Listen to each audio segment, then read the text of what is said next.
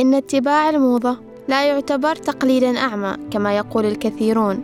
فالناس قبل عشرين عاما يختلف ملبسهم تماما عن الوقت الحالي وسيختلف في المستقبل.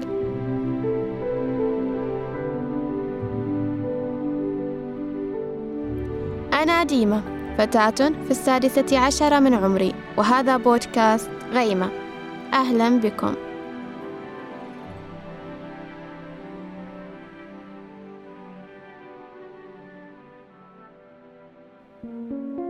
دائما في حالة الصراع بين الأجيال تظهر مسألة المظهر الخارجي كنقطة مهمة ورئيسية.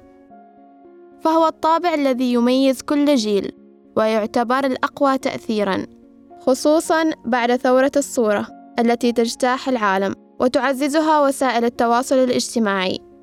كما تكمن أهمية مسألة المظهر الخارجي في ارتباطها الوثيق بالعادات والتقاليد. فضلا عن ارتباطها بالقيم الدينية. في الحقيقة نحن هنا نشترك في نفس المنظور الديني فجميعنا مسلمون ويفترض أن نهتم بأن يكون مظهرنا تحت مظلة الأخلاق والمبادئ الدينية. لذلك حوارنا يكون في إطار دائرة واحدة.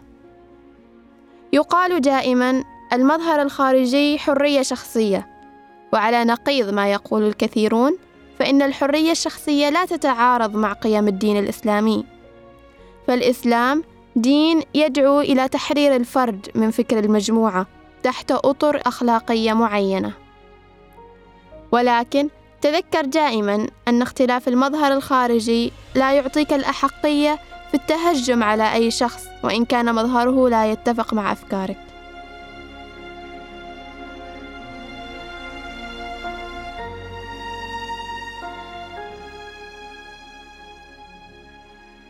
إن اتباع الموضة لا يعتبر تقليدا أعمى كما يقول الكثيرون.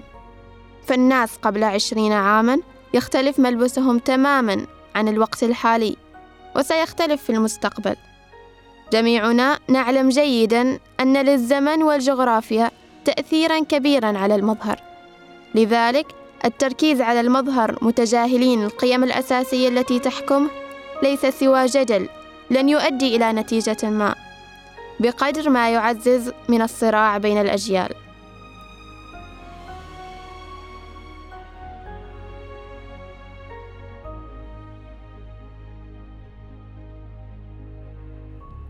أعزائي اليافعين إن اهتمامكم بمظهركم الخارجي أمر طبيعي وتفرضه طبيعة حياتنا وجيلنا. وعلينا أن نجعل من مظهرنا الخارجي وسيلة من وسائل تعزيز ثقتنا بأنفسنا وفرض حضورنا الاجتماعي.